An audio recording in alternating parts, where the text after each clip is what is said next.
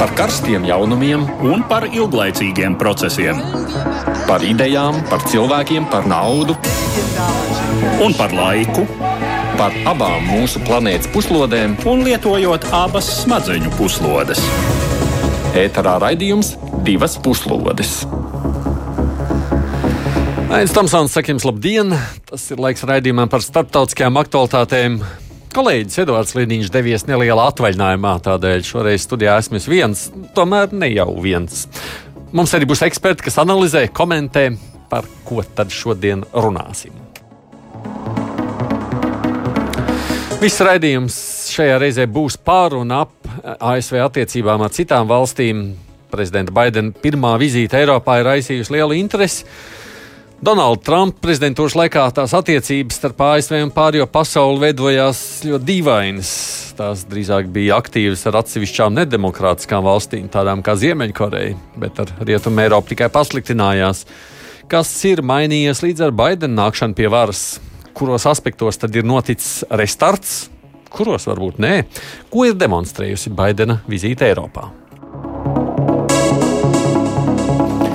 Atsevišķu uzmanību veltīsim Krievijai.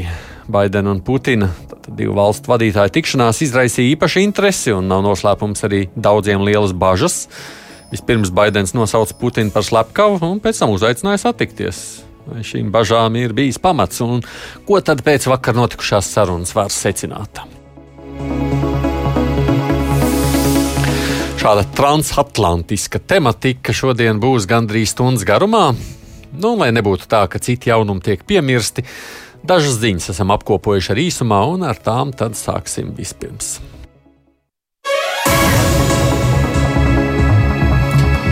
Šīs nedēļas viena no intriģējošākām ziņām noteikti ir jaunas valdības izveide Izrēlā. Parlaments svētdien ar vienas balss pārsvaru nobalsoja par to, izbeidzot 12 gadus ilgušā Benjamina Netanjahu premjerēšanas laiku. 60 deputāti no 120 nobalsoja par un 59 balsoja pret. Šādai ļoti salāpītai ar tik trauslu balsu pārsvaru izveidotai valdībai būs ļoti grūti strādāt, tā prognozē analītiķi, sakot, ka koalīcijai arī būs grūti izaicinājumi. Turklāt opozīcijā tik spēcīgs politiķis kā Netanjahu. Ar pirmajām grūtībām politiķi ir jau saskārušies.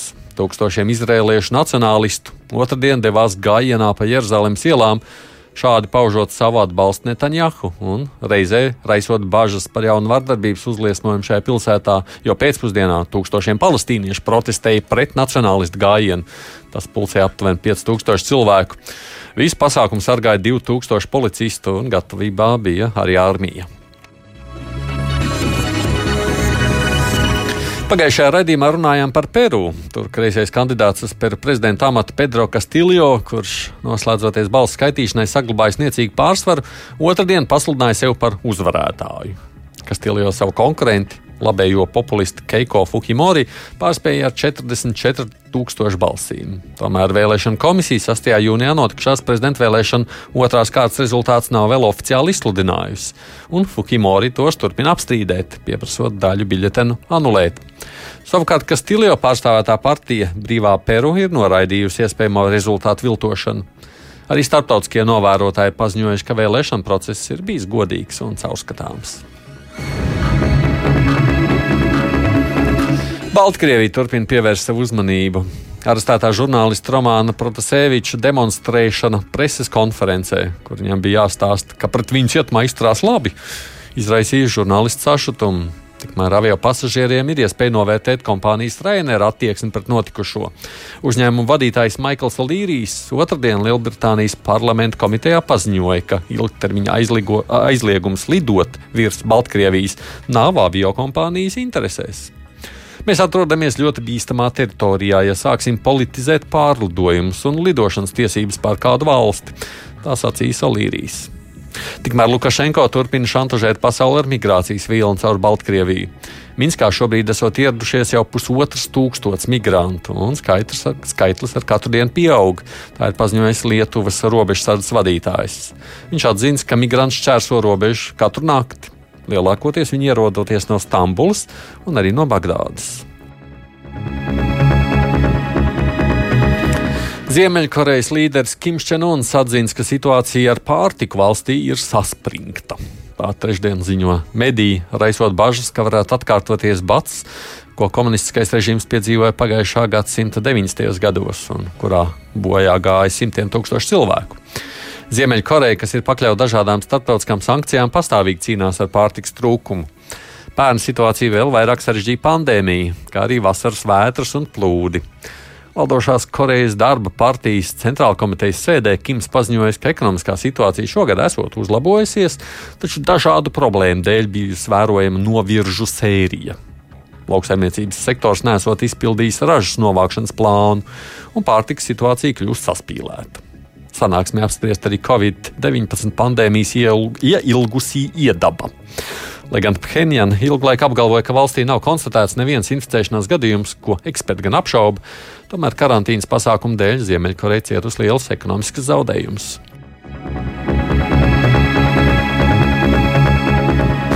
Lielbritānija pēc Brexit aktīvi veido savas attiecības ar pārējo pasauli. Londona un Sidneja otrdien paziņoja par brīvās tirdzniecības līgumu starp Lielbritāniju un Austrāliju, ar kuru tiks atcelt tarifi un samazināt birokrātiju. Lielbritānijas premjerministrs Boris Džonsons nodēvēja to par jaunu rītausmu abu valstu attiecībās. Lielbritānijas valdība uzskata šo līgumu par būtisku elementu pēc Brexit tirdzniecībā un arī diplomātiskajā stratēģijā, lai novirzītu valsts ekonomikas centru tālāk prom no Eiropas un rastu jaunas iespējas Indijas okeāna un Klusā okeāna valstīs. Austrālijas premjerministrs Skots Morrisons un Džonsons pārvarēja pēdējās domstarpības par tirdzniecības līgumu sarunās pēc G7 valstu samita nedēļas nogalē Kornvalā. Morrisons piedalījās šajā, samit vies, šajā samitā kā viesis.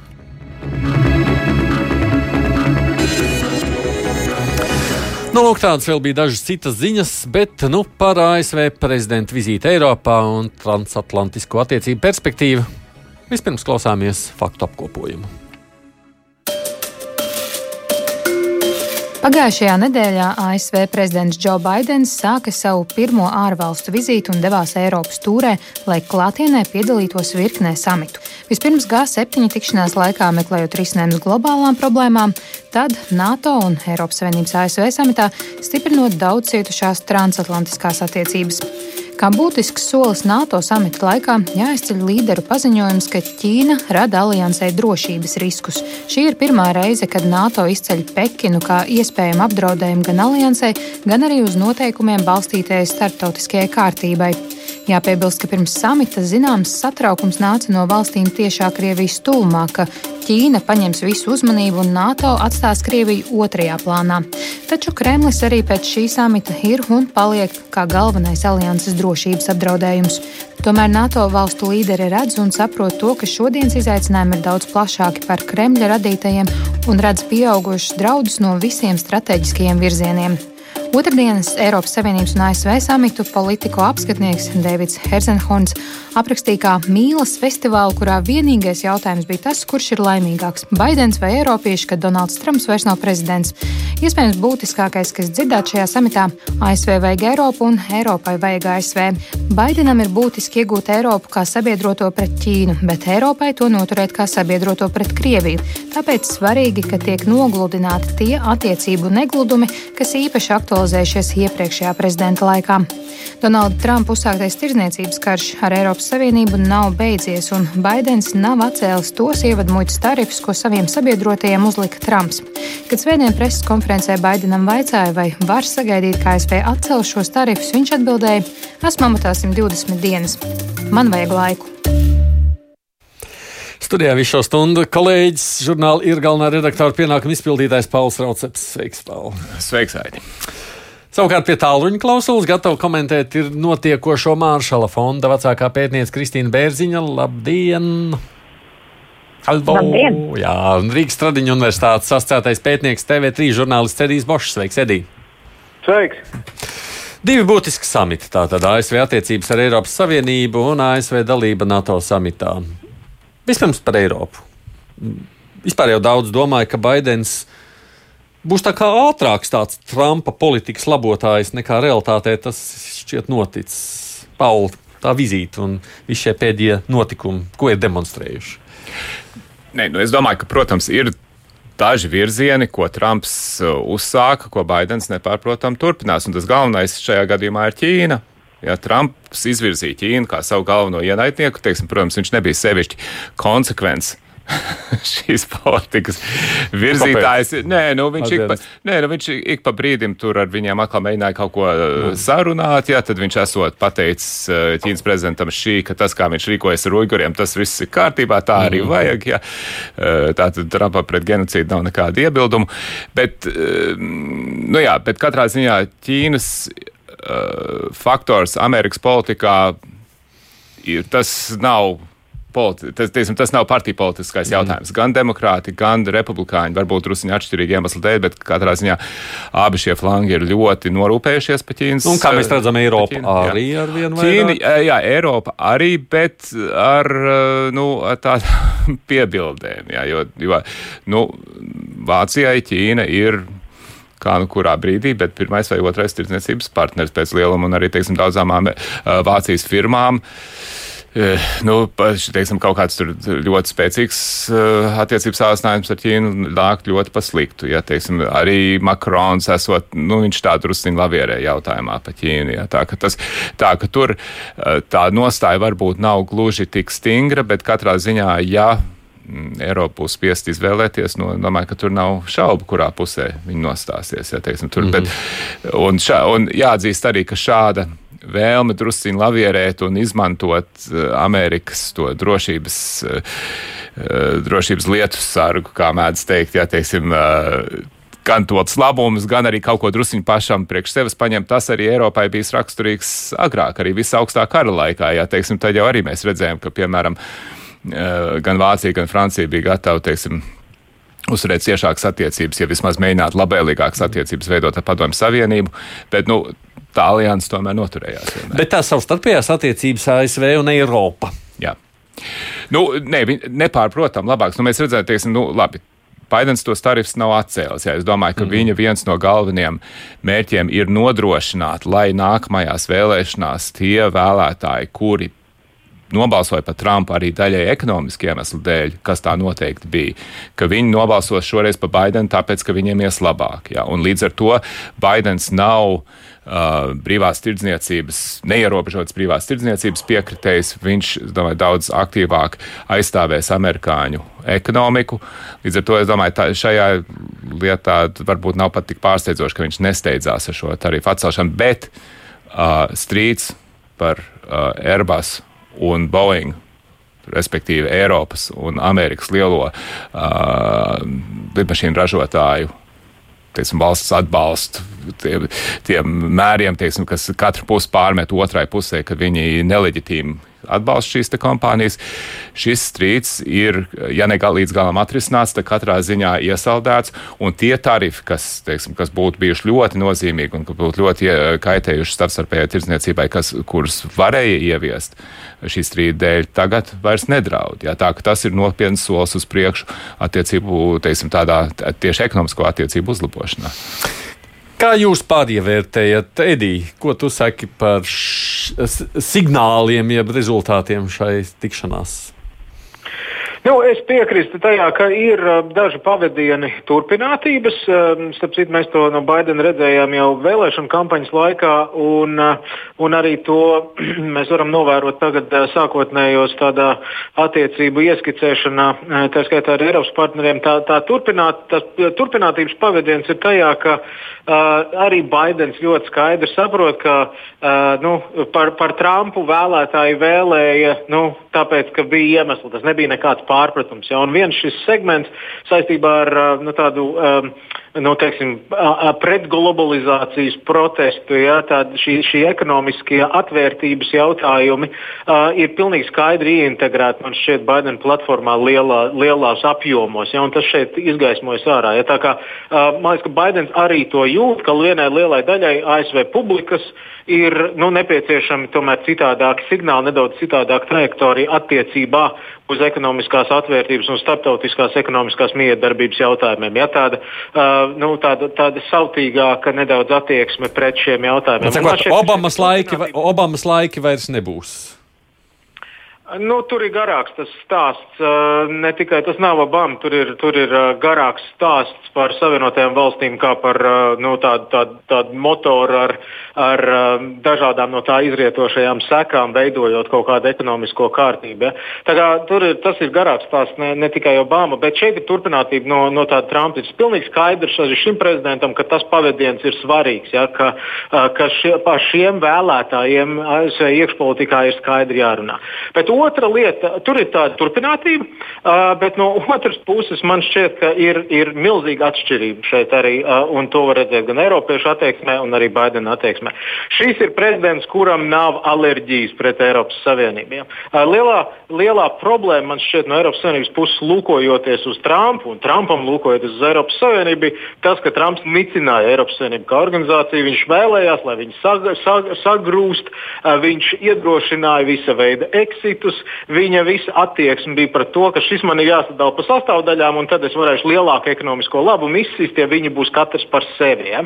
Uh, tāda netipiski no amerikāņu puses uh, naidīga attieksme pret Eiropas integrāciju, pret Eiropas vienību, vienotību, pret Eiropas ideju, pret Eiropas savienību. Un, un šajā, šajā ziņā Trumps bija netipisks, es teiktu, salīdzinājumā ar visu plejādi ASV prezidentu, kur ir dzīvojuši miedarbībā ar Eiropas kopienu un ar Eiropas savienību.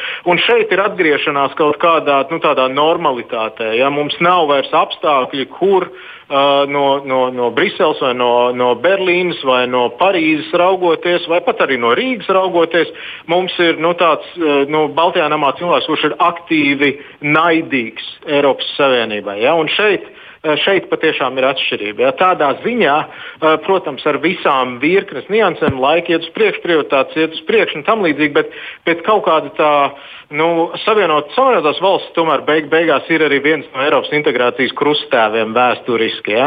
Ir, ir nu, tā, tāda savienotā valsts klātesamība Eiropā vēsturiski ir bijusi viena no tām siltumnīcām, kuras, kurā iekšienē var uzdīgt un var kaut kā būt iespējama e, Eiropas vienotība, Eiropas kopā sanākšana ja, un e, Eiropas integrācija.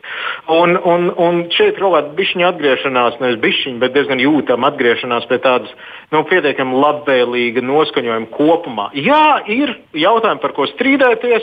Airbus, Boeing, tarifi, metālurģija, garš saraksts ar, garš saraksts ar šīm lietām, bet, bet tas, kas bija Trumpam nu, izteikti viņa specifiskā lieta, bija šī, šis redzējums par Eiropas Savienību kā par nu, bezmazliet sliktāko lietu, kas ir notikusi ja, uz zemes virsmas. Ja. Mm. Šī, šī vairs nav, un tas atvieglo ļoti daudz ko. Kristīna, tavuprāt, kas ir tās labās ziņas, un vai ir kas, kas dara piesardzīgu?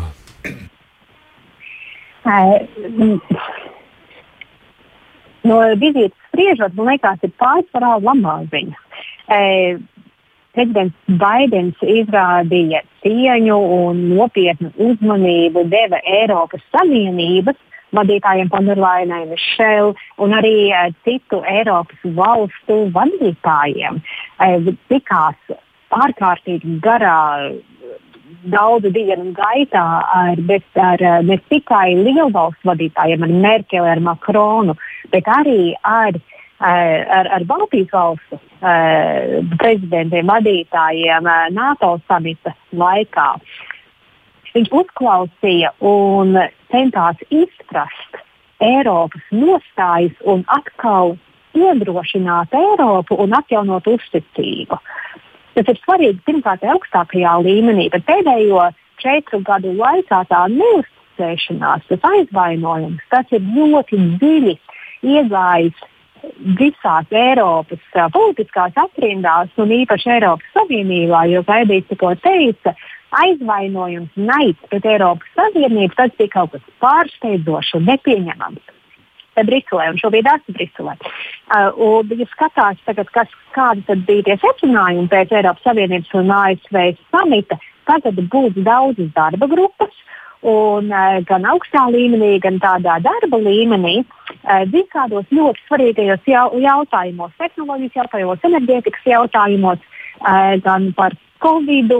Un ja mēs, skatam, ja mēs paskatāmies, ko tas nozīmē, tas nozīmē to, ka ASV valdības e, eksperti un, un, e, un amatpersonas Un Eiropieši kopā sanāks tagad regulāri tiksies, izrunās un izveidos vai nu kopīgas nostājas un pieejas, arī tādas, kuras nejauc viens otram uh, dzīvi. Tādā veidā neradīsies tālāki konflikti Eiropas un Amerikas attiecībās, īpaši tādos sarežģītos jautājumos. Tāpēc, ka jā, līdz šim varbūt asākie konflikti ir bijuši tādā metālurģijā.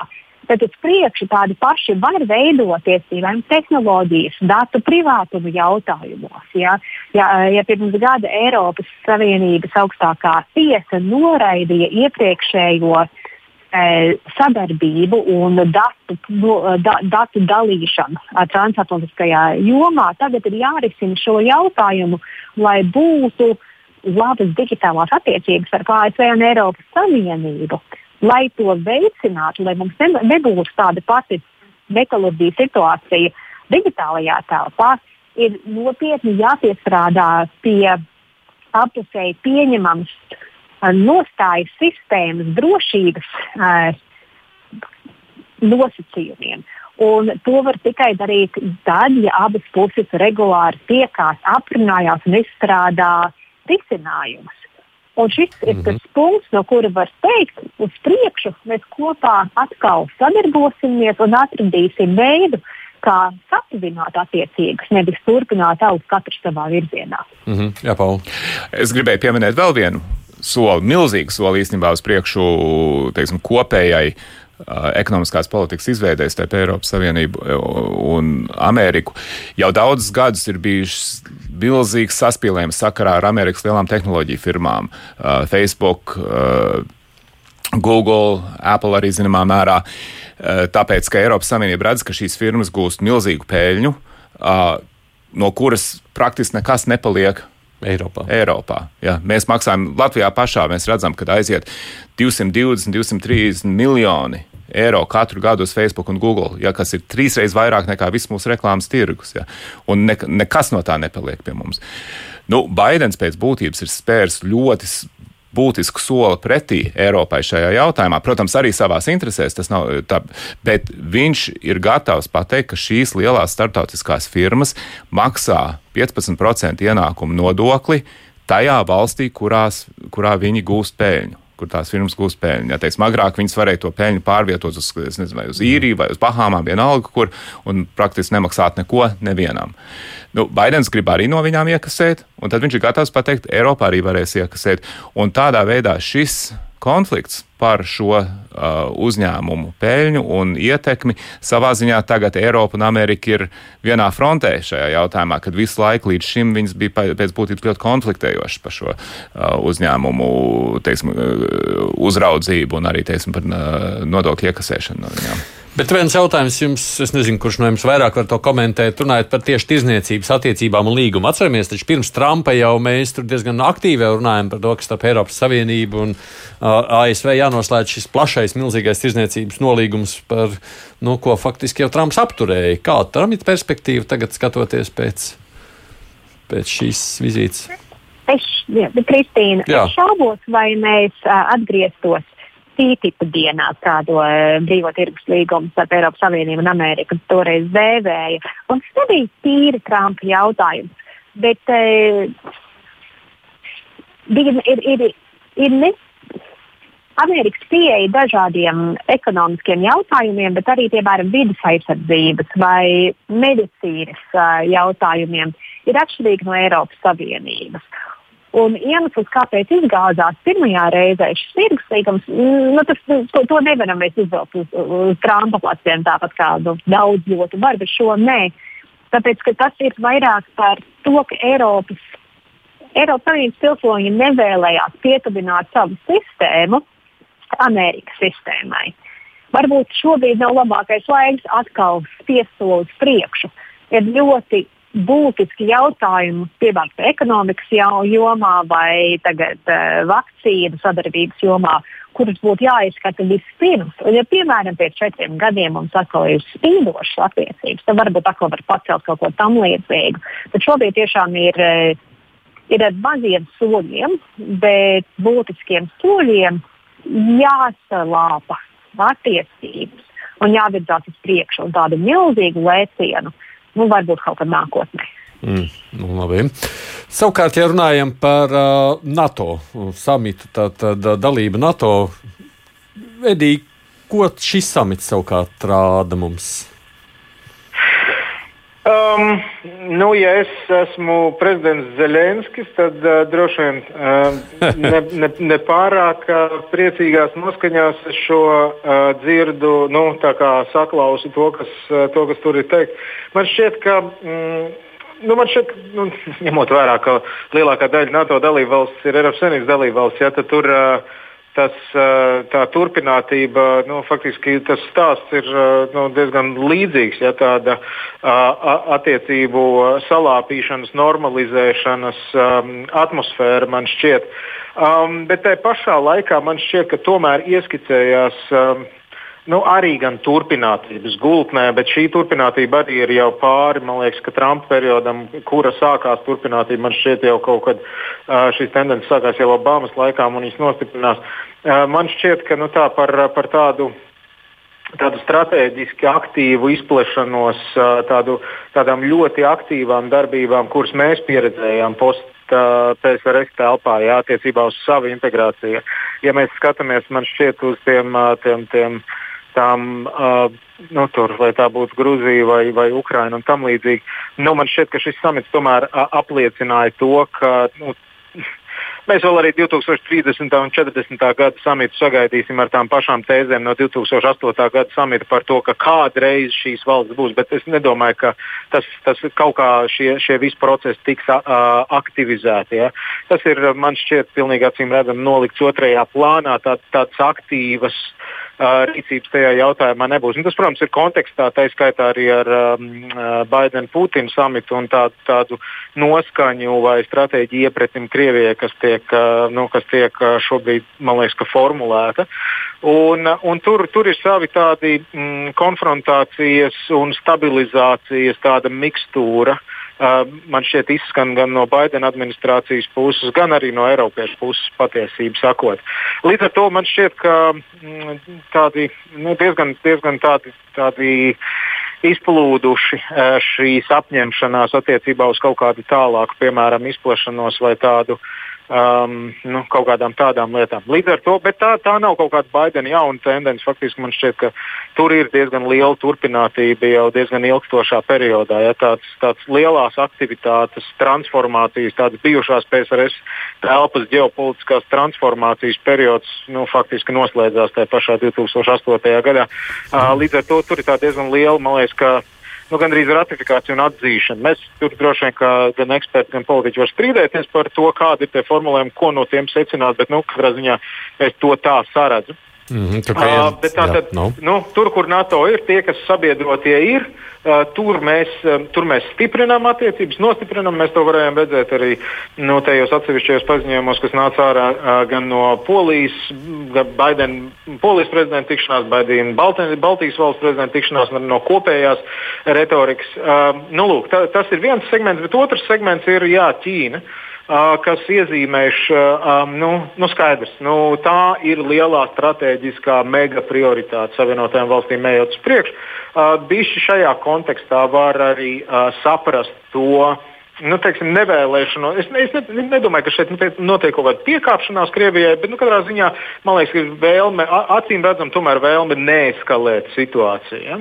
Un, un tas ir skatāms tā skaitā arī Ķīnas kontekstā. Nu, un šeit man šķiet ir tā vis, vis tāda jancīgākā lieta ejot uz priekšu. Kā, Eiropas valstis, Eiropas Savienības valstis, um, NATO dalību valstis, Eiropas valstis, ja? Um, Rietuma Eiropa, Austruma Eiropa un tam līdzīgi, kā nokalibrēt uh, nu, pareizi to uh, savu pozīciju ASV un Ķīnas uh, Uh, nu, arvien pieaugušajā sa sāncensībā un sacensībā. Ja? Kā to īsti vietu atrast? Jo jo skaidrs, ka ja mēs gribam turpināt nu, tā pilnvērtīgi baudīt sabiedroto valstu attiecības ar savienotajām valstīm. Nu, savienotās valstis tomēr, ja nu reiz ir lielais sāncens, nu, tad, tad tomēr nu, būs jāatbalsta ja? tādā vai citādākā veidā. Bet kā to pareizi izsvērti, izdarīt, nu, tur Eiropas valstīm, protams, būs stipri dažādi priekšstati. Ja? Viens priekšstats būs Lietuvai, kur jau, jau tur ir izstājusies no Ķīnas sadarbības formātiem. Uh, un citi priekšstati savukārt būs Vācijai un Francijai un tam līdzīgi par to, cik, cik daudz tādā rietumu drošības kopienā uh, krāmēt iekšā Ķīnas lietas. Ja? Mm. Man šķiet, ka nākamajos gados tas ir lielais izaicinājums mūsu pusē. Tā. Kāds telefons atslēdzās, bet tas visticamāk nebūs Edijs, jo viņš vēl turpināja runāt, laikam, Kristīna Pauli, ko tu saki?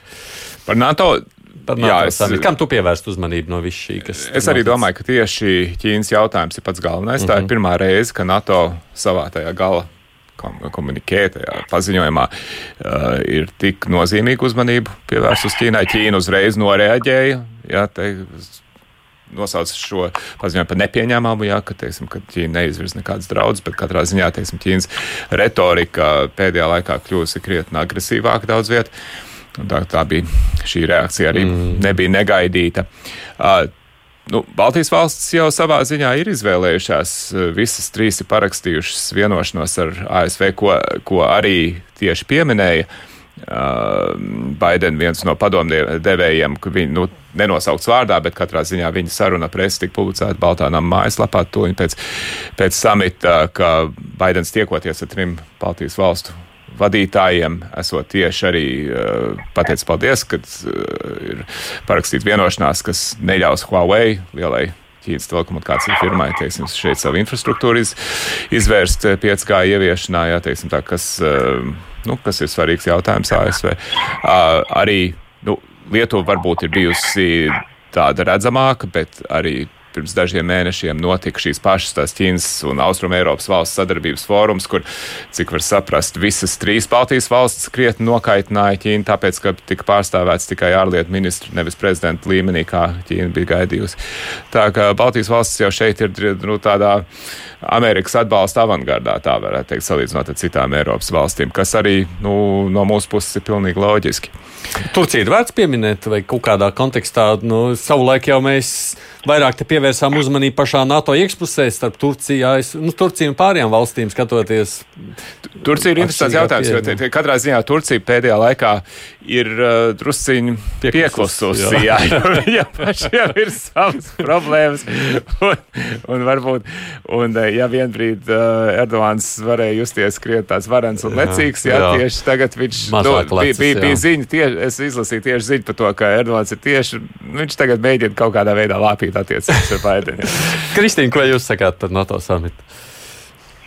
Jā, es pirmie biju klāt uh, NATO samitā, NATO, uh, un es teiktu, ka tāda vispārējā sajūta, kur bija tāds optimisms ka iepriekšējie četri gadi ir pārdzīvoti, un tagad NATO var kopīgi sanākt un izdomāt, kādas būs nākošās prioritātes. Mm. Protams, viena no prioritātēm ir Ķīna, bet arī nevajag pārspīlēt to, cik liela prioritāte šobrīd NATO ir Ķīna. Ja pirmo reizi Ķīnu ar NATO komunikācijā pieminējuši uh, Londonas samitā īsi pirms Covid, tad ja tagad pie, piemina ko, Ķīnu komunikācijā 12 reizes, 10 reizes.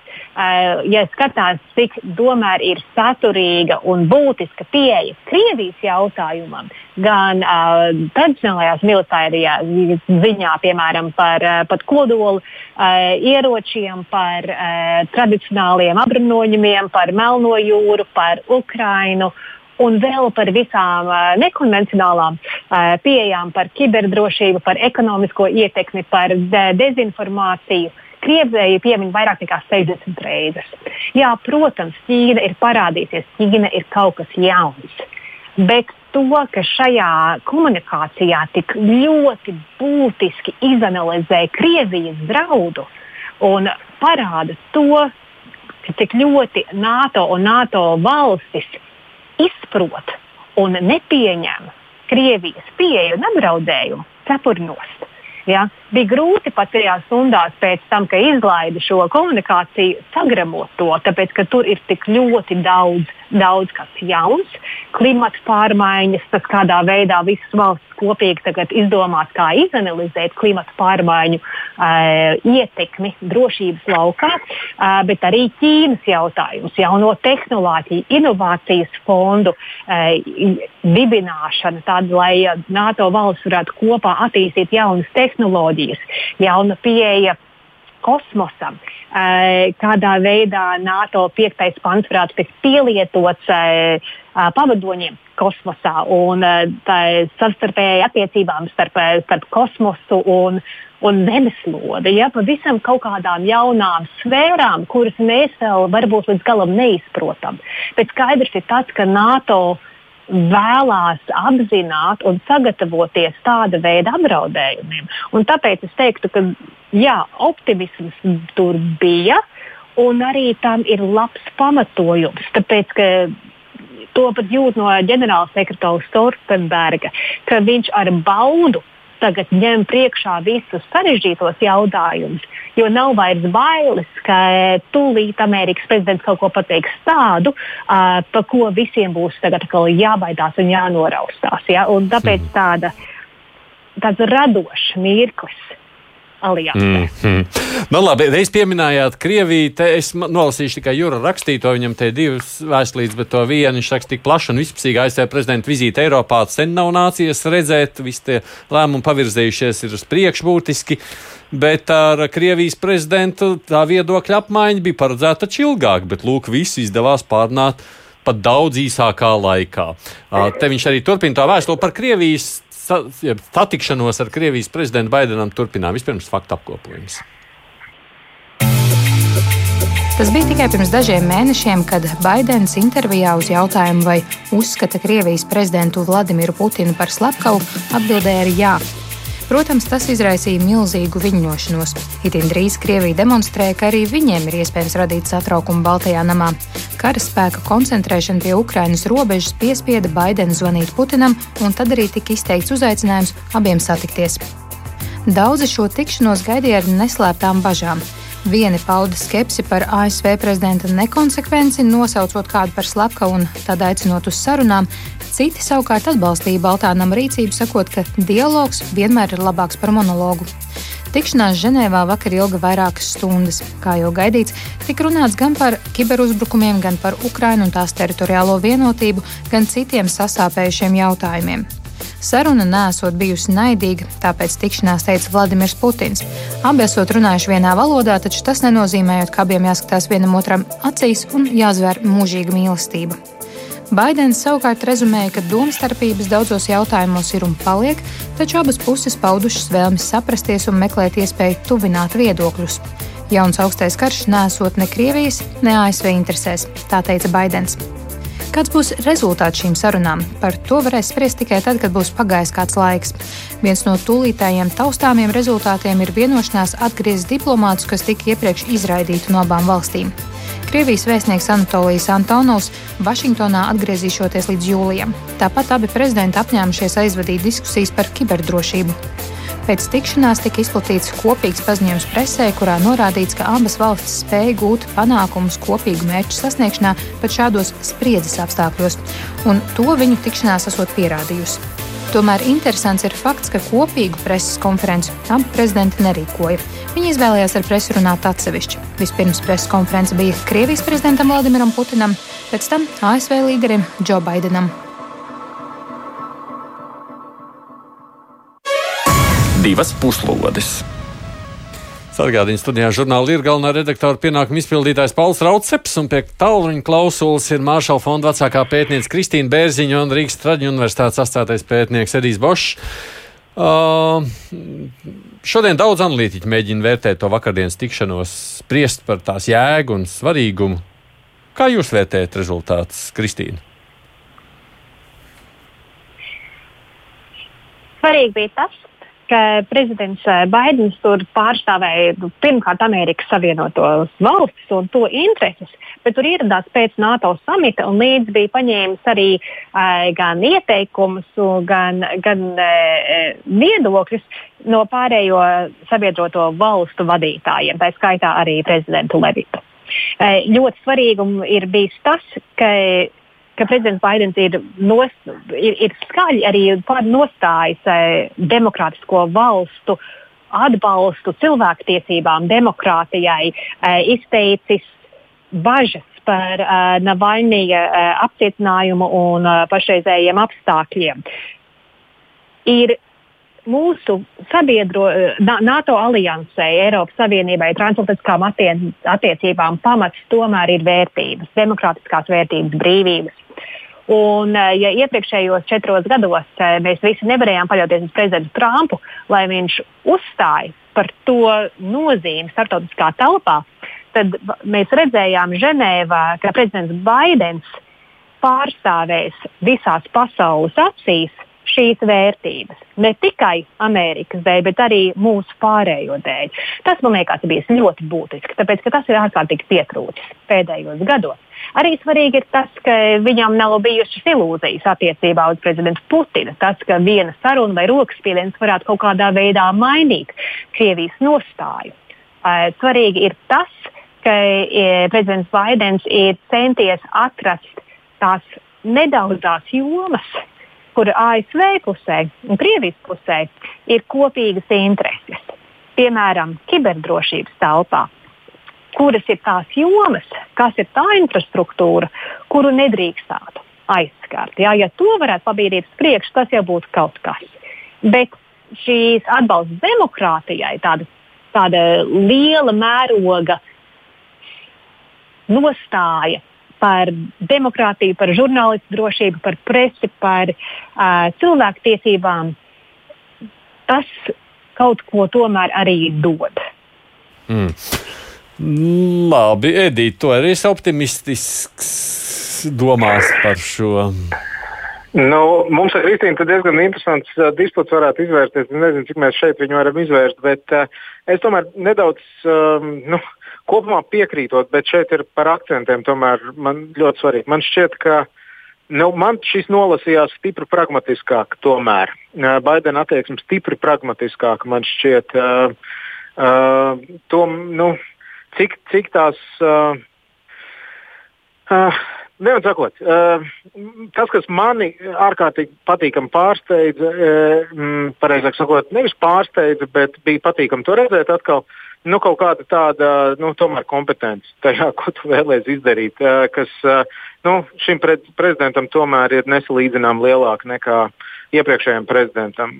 Un šeit ir, nu, var piekrist niansēs vai nepiekrist niansēs par kaut kādiem politikas jautājumiem un kaut ko vairāk uzsvērt vai kaut ko mazāk uzsvērt vai tikties vispār vai netikties, bet nu, šeit ir tomēr kaut kāda kaut kāda virtuozitāte iekšā ir un tāda spēles laukuma pārzināšana un, un kaut kāda diezgan precīza, uh, izsvērta taktika un stratēģija, ko tu gribi panākt. Ja, var piekrist vai nepiekrist tai taktikai, bet nu, tomēr šeit nav ne, personība un drāma un realitātes šovs uh, nebeidzams uh, pirmajā vietā, ja, kas aizņem visu uzmanību un, uh, un neļauj par kaut kādiem jautājumiem kaut kā puslīdz. Mm, sakarīgā veidā runāt. Ja, šeit ir izmaiņas, šeit ir mājas diezgan radikāli.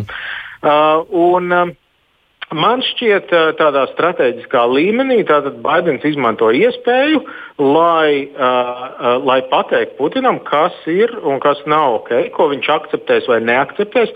Vēlreiz es, es tomēr uzskatītu, ka pragmatika uh, dominēja pār vērtībām manā izpratnē, tādā ziņā, ka uh, tas vēstījums primārais Putinam bija par to, ka es neeskalēšu situāciju no Baidena puses. Es neeskalēšu situāciju ne Ukrainā, ne uh, Krievijā iekšpolitiski saistībā ar Navaļnī jautājumiem. Es neeskalēšu to situāciju, es tā to nolasīju, uh, bet tajā pašā laikā es sagaidu, ka arī tu, Vladimir, ne, neeskalēsi situāciju tajā pašā Ukrainā un tā varbūt vēl kaut kur Austrumē Eiropā un varbūt arī Savienoto valstu iekšpolitiskajos procesos jaucoties un tam līdzīgi un tam līdzīgi. Uh, diezgan skaidri norādīt nu, kaut kādas robežas. Tādā neeskalatīvā veidā, bet tomēr norādīt skaidru robežu. Man liekas, ka tas bija galvenā ideja, uh, ko Baidens mēģināja paust. Um, uh, un, bet man liekas, ka diplomātiski diezgan veikli viss bija nofo, noformulēts, un šeit tā kompetence izpaužas. Ja? Tātad Putins ierodas pirmais telpā, lai, nelik, lai viņam nebūtu iespējas likt gaidīt uh, un parādīt, ja, kurš te ir galvenais. Nekādas kopējās preses konferences. Jā, es tev iedodu kopēju skatu ar sevi, es gribu ar tevi izrunāt runāt, jo ar Krievijas līderi acīm redzot, ir tikai jēga runāt acu pret acu, zemākos līmeņos nav jēga komunicēt. Ok, es tātad dodu sev, sev tev šo skatu, Vladimir, mēs tiekamies, es tev izstāstu, bet tā pašā laikā nekādas kopējās preses konferences un tam līdzīgi. Mēs, mēs, es esmu gatavs ar tevi runāt, bet mēs nebrāļosimies šeit. Ja? Tā kā tādi ļoti precīzi man šķiet nostrādāts bija no visām, man, un tā īstenībā ir ļoti interesanti par tām stundām, kas bija it kā atvēlētas. Sākumā piecas taču teica. Ka, mē, jā, ka mēs kaut kādā memoāru literatūrā gan jau kādreiz uzzināsim, kāds bija. Es, mana, mana doma būtu tāda, ka Baidens bišķi uh, visus, tā skaitā arī nedaudz sabiedrotos, uh, nedaudz iemidzināja. Man liekas, ka viņš tā samita gatavošanā gribēja izskatīties uh, bišķi naivāks nekā viņš patiesībā bija.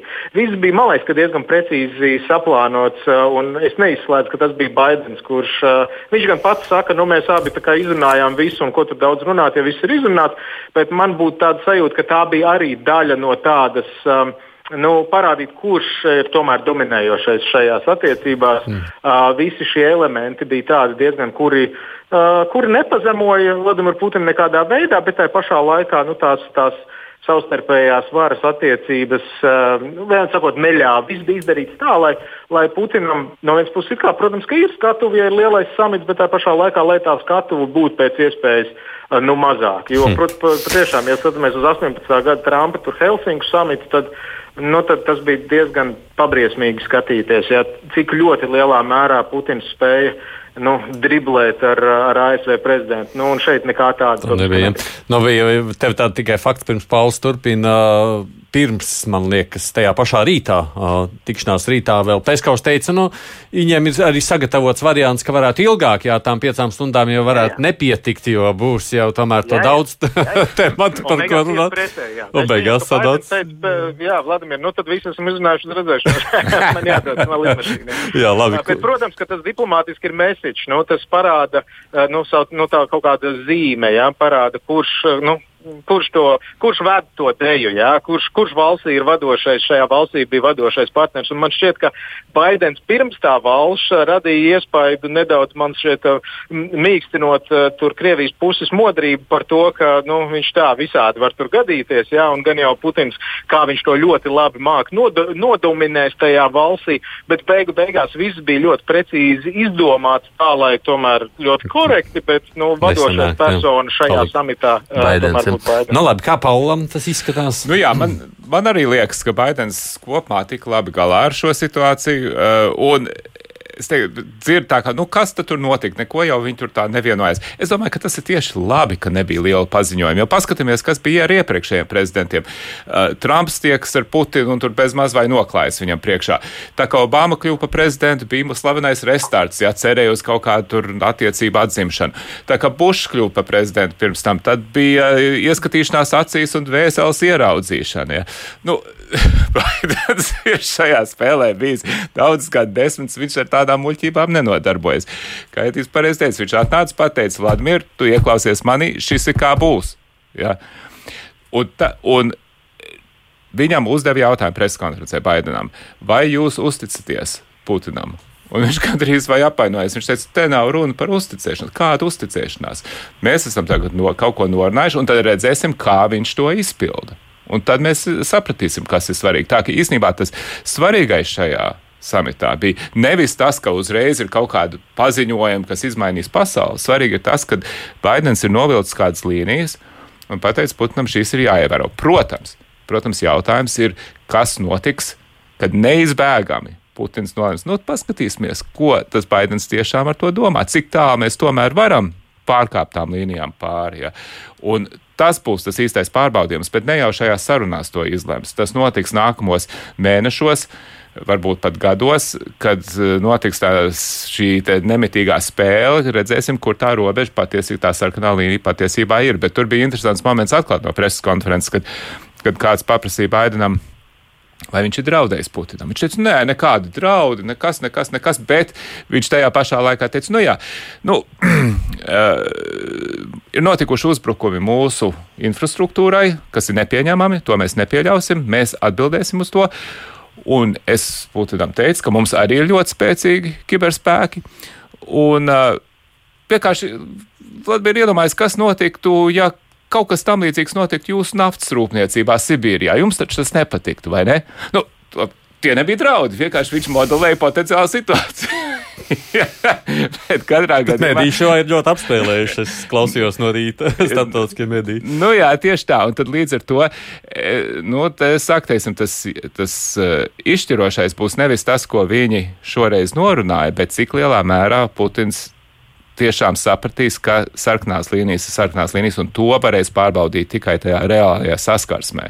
Jā, tajā, kad viņš pārbaudīs šīs, cik tālu viņš var. Bet, bet par sarkanām līnijām, protams, runāja gan viens, gan otrs prezidents. Vismaz pieminēju šo jēdzienu, gan viens, gan otrs. Un te, nu, varbūt tā kā to Edijs noformulēja. Uh, Es to sacītu tā, labi, jūs tur iekšpusē varat diezgan trakot, apmēram tā mm, Putinam uzmanīties, tā tur uz ārā, tur tās sarkanās līnijas ir.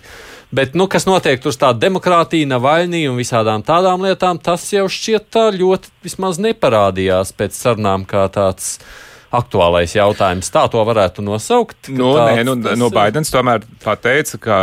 Nu, ja jā, Navaļnīs nomirst, nu, tad, tad, nu, tad, nu, tad, jā, tad, jā, nu, tad, tad būtu graujošas sekas tam. Jā tā, ka nu, kaut, kā, kaut ko viņš arī šajā iezīmē. Bet es piekrītu tik tālu, ka, mm, jā, ka tas viens no tiem vēstījumiem bija, ka Baidens to situāciju katrā ziņā neaizskalēs. Jā, ka, nu, ka viņš eh, bija interesants atkal moments no preses konferences, kur viņam viņš tā garāk filozofēja par Krievijas vēstures, teiksim, to, to, to gadsimteņu gaitu un kā Krievija vienmēr ir vēlas, vēlējusies būt lielvaru un kad eh, Krievijas valdnieki vienmēr ir domājuši, ka to var tikai panākt, ja valsts ir pilnīgi vienota, stiprā.